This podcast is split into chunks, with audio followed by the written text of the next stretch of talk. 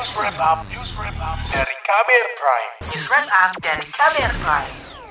Saudara, kasus kekerasan seksual pada anak masih kerap terjadi, termasuk di lingkungan pendidikan. Belum lama ini, ratusan anggota polisi menyerbu pesantren Sidikiah Jombang, Jawa Timur untuk menangkap tersangka kekerasan seksual terhadap santri.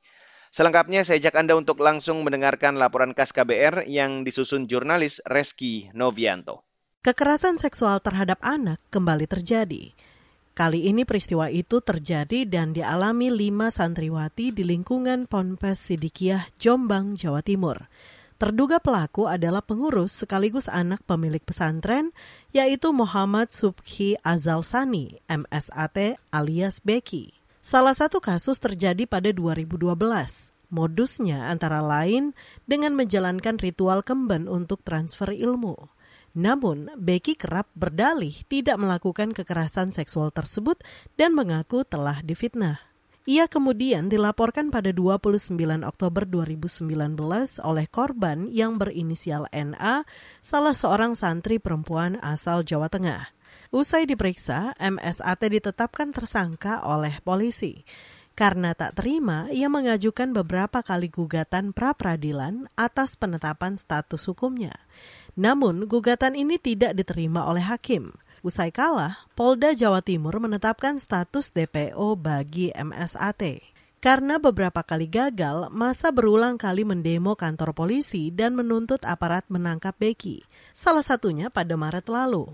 Koordinator aksi Joko Fatah Rohim tegas kita untuk menegaskan kepada uh, kepolisian ini untuk terutama Polda untuk segera menangkap ini ya. Karena sudah lama. Proses sudah dilakukan sudah P21 di kejaksaan. Ini adalah sudah penanganan kejaksaan.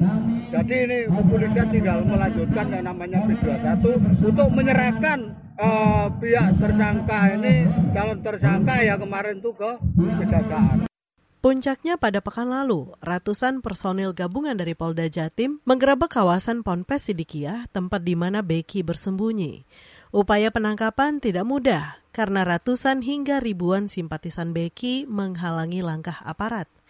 Buronan kasus cabul tersebut akhirnya menyerahkan diri pada Kamis 7 Juli 2022.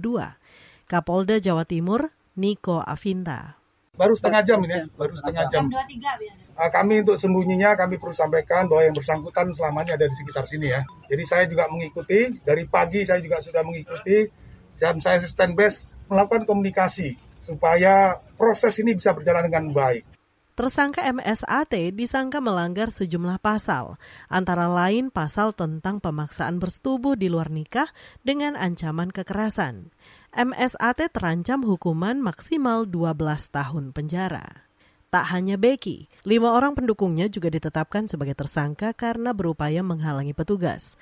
Mereka memiliki peran berbeda-beda, tiga di antaranya berperan menghalangi barikade polisi. Dua lainnya bahkan menabrak polisi dan membawa senjata airsoft gun. Kasat Reskrim Polres Jombang, Giadi Nugraha. Yang pertama adalah saudara D, ini melakukan tindakan menghalangi berupa menabrak kasubdit jatan ras kemudian menabrak anggota lantas di flyover Ploso. Ini nanti kita jelaskan lebih lanjut terkait dengan teknisnya. Kemudian ada empat orang lainnya yang menabrak kanit ras, kemudian e, menyiram air panas kepada kasat reskrim, kemudian merintangi anggota-anggota yang sedang melaksanakan tugas penegakan hukum, yakni penangkapan untuk dilaksanakan tahap dua kepada kejaksaan.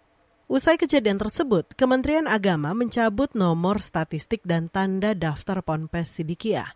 Tindakan itu diambil setelah MSAT menjadi DPO kepolisian dalam kasus pencabulan dan perundungan terhadap santri.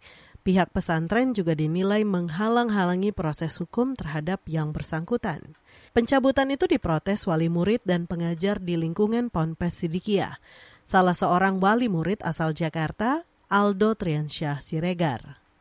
Jadi soal pencabutan tentu saja ya wali murid harapannya ya ditinjau kembali lah. Kalau menurut saya ya, saya ya aja kalau misalnya ini kan hubungan terkait kasus yang seperti ya. Ya anehnya karena kalau misalkan kasus Mas Beki itu terbukti nanti di sidang memang Mas bersalah, ya tetap aneh sih maksudnya ibaratnya gimana sih kayak kalau di instansi itu ada satu orang korupsi masa ya instansinya di dibubarin itu kan kayaknya aneh begitu cuma ya itu menurut saya sih menurut saya harapannya ya ditindak kembali namun, pencabutan tak berlangsung lama.